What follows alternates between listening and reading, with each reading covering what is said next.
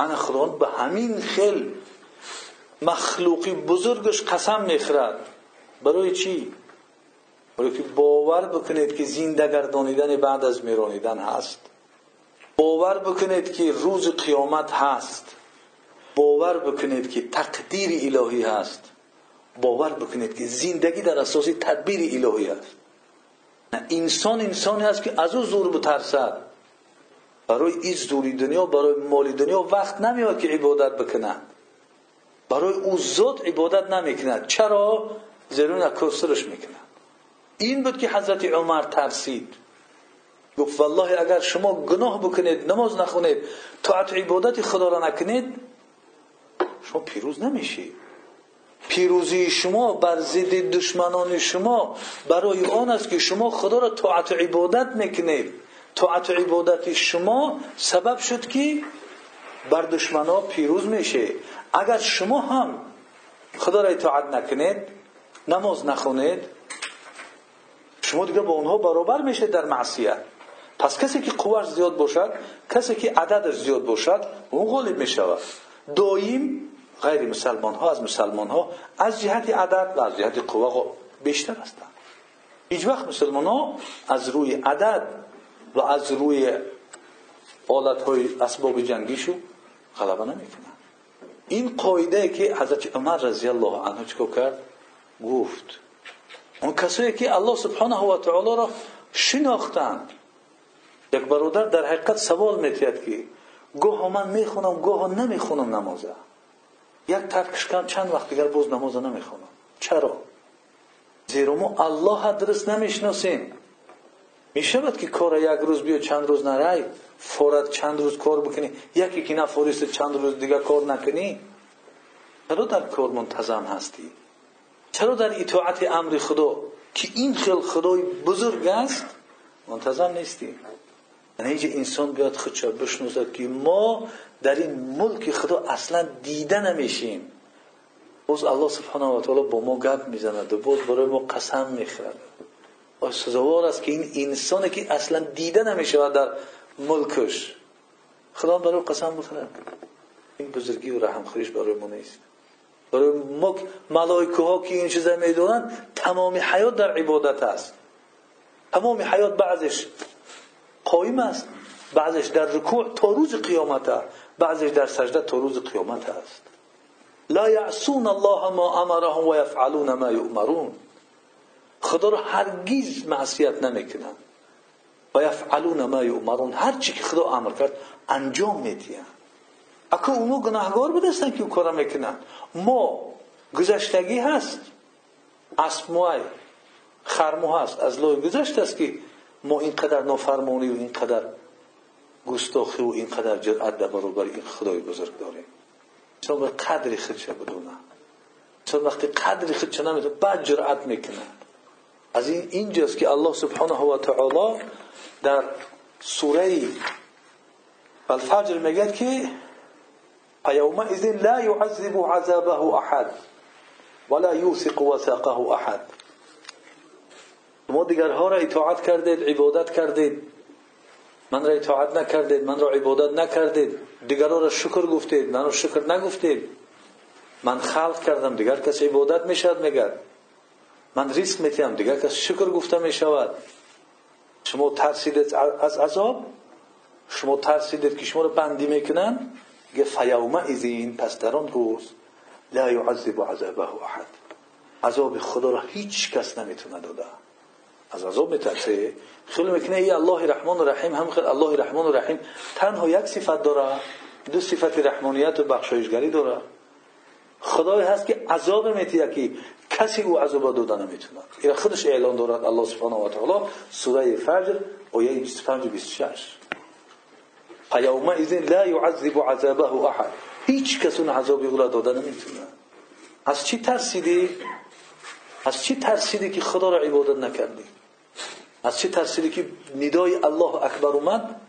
چیزی دیگر اکبر در قلب تو پیدا شد. ولا یوثق وثاقه احد. بستنی که الله سبحانه و تعالی میبندد ولا یوثق و نمیبندد وثاقه بستن او را بستن الله سبحانه و تعالی. احد کسی هیچ کس اون طریق الله سبحانه و تعالی میبندد بستن نمی‌تونه. ترسیدی؟ از بستن و از عذاب دنیا ترسیده. خلاف راه این بزرگ این الله سبحانه و تعالی رفتی. اطاعتش نکردی. اون گونه که او عذاب میتد اون گونه که او میبندد کسی نه عذاب داده می‌توند و نه بسته می‌توند. در این قانون های امروزه با آتش عذاب دادن نیست ممکن نیست این چیزا.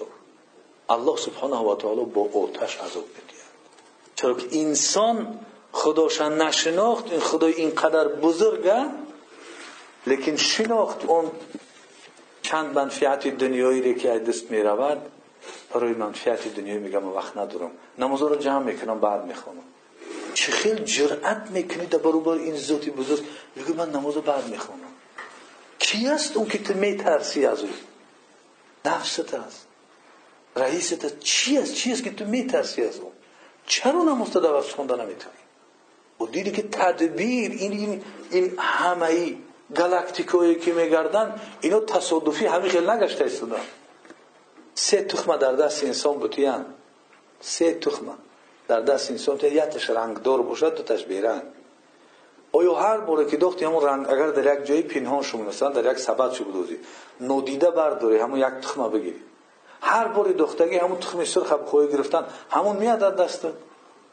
کی میگد که هر بار همون میاد در سه تخمش که گفتن نمی‌تونه. اگر ده تخم باشن چی؟ اگر صد تخم باشن چی؟ هر باری گرفتگی می‌تونی که همون تخم رنگ داره بگیری. این معنای تصادف است. این تصادفی را که میگن تصادفا این دنیا شدگی است. تصادفا این چیزا شدگی هستند. معنای آن را دارد که در هزار و در میلیون ها تخمی که میمونی همه دسته که داختی تصادفا همون رنگ کردگی میبروید. دیگرش نمیبروید. این غلط که این تصادف گویا که چی؟ به هم بر نمی‌خورن یعنی همون تخم رنگه را گرفته است. وقتی که دسته تخم باوری نداریم که هر بوری گرفتگی تخم رنگه می‌برد پس تصادف خیلی می‌شود که اینها؟ دویم به هم بر نمی‌خورد این قطعه به اون قطعه زمین با آسمان دیگرش به دیگرش این ستاره به اون ستاره بر نمی‌خورد الله سبحانه و تعالی قسم می‌خورد در تاریخ می‌دونید بعضی انسان ها مخلوق خدا مخلوقه که اصلا دیده نمی‌شد در ملک الله قسم خورد دولت ها رو ترسوند. قسمش. است؟ قسم می‌خرد تمام. بعضی انسان ها دولت دارم نبودن آدم عادی. ولی خداوند یک قوا و زوری یک یک قسم خورد در قسم خوردگیش چی کارها و چی کارها را انجام داد. احتیاط باشه که این قسم نخره. ولله المثل الاعلى الله قسم می‌خره. السماء قسم به این آسمانی که این گونه نظم این گونه ترتیب دارد این این گونه کنار او را شما تصور کردن. وقتی ما دنیا را تصور کردن نمی‌تونیم خلقی که در دنیا هست همه اینا دیده می شود ما اینا تصور کردن نمی‌تونیم. پس جنت او را گفت که ما لا عین ولا اذن سمعت ولا خطر على قلب بشر. ما حالا که بعضی این چیزها را با میکروسکوپ ها می‌بینیم این چیزها را با گوش ما میشنویم که علمای ستارشناس و این علم برای ما میگن. و این چنین در عقل ما هم تا می‌خورد وقتی این بعضی معلومات ها اینا رو می‌خونیم که این چی بوده است و چی شده می‌تواند چگونه بودن اون در عقل ما تا می‌خورد ولی باز عاجزی خود رو هم احساس می‌کنیم. و پیامبر صلی الله علیه و میگه که در جنت چیزهایی است که چشم دیدگی نیست اونها را. گوش هم شنیدگی نیست. اصلا هر چیزی که ما شنیدیم از این بالا است. و عقل انسان هم گذشتگی نیست. هر چی که به عقل نگاه کنید ما تصور می‌کنیم.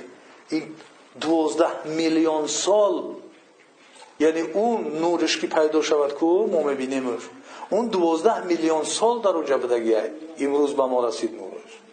دوازده میلیون سال او در همون جا بود. بعد این را که می‌بینیم چهار هزار سال و میلیون سال و ده میلیون سال دوازده میلیون سال پیش اینها در اونجا بدگی بعضش ممکن که حوزی نباشد ترکیش شده است چکو کرده است؟ یا عوض کرده است.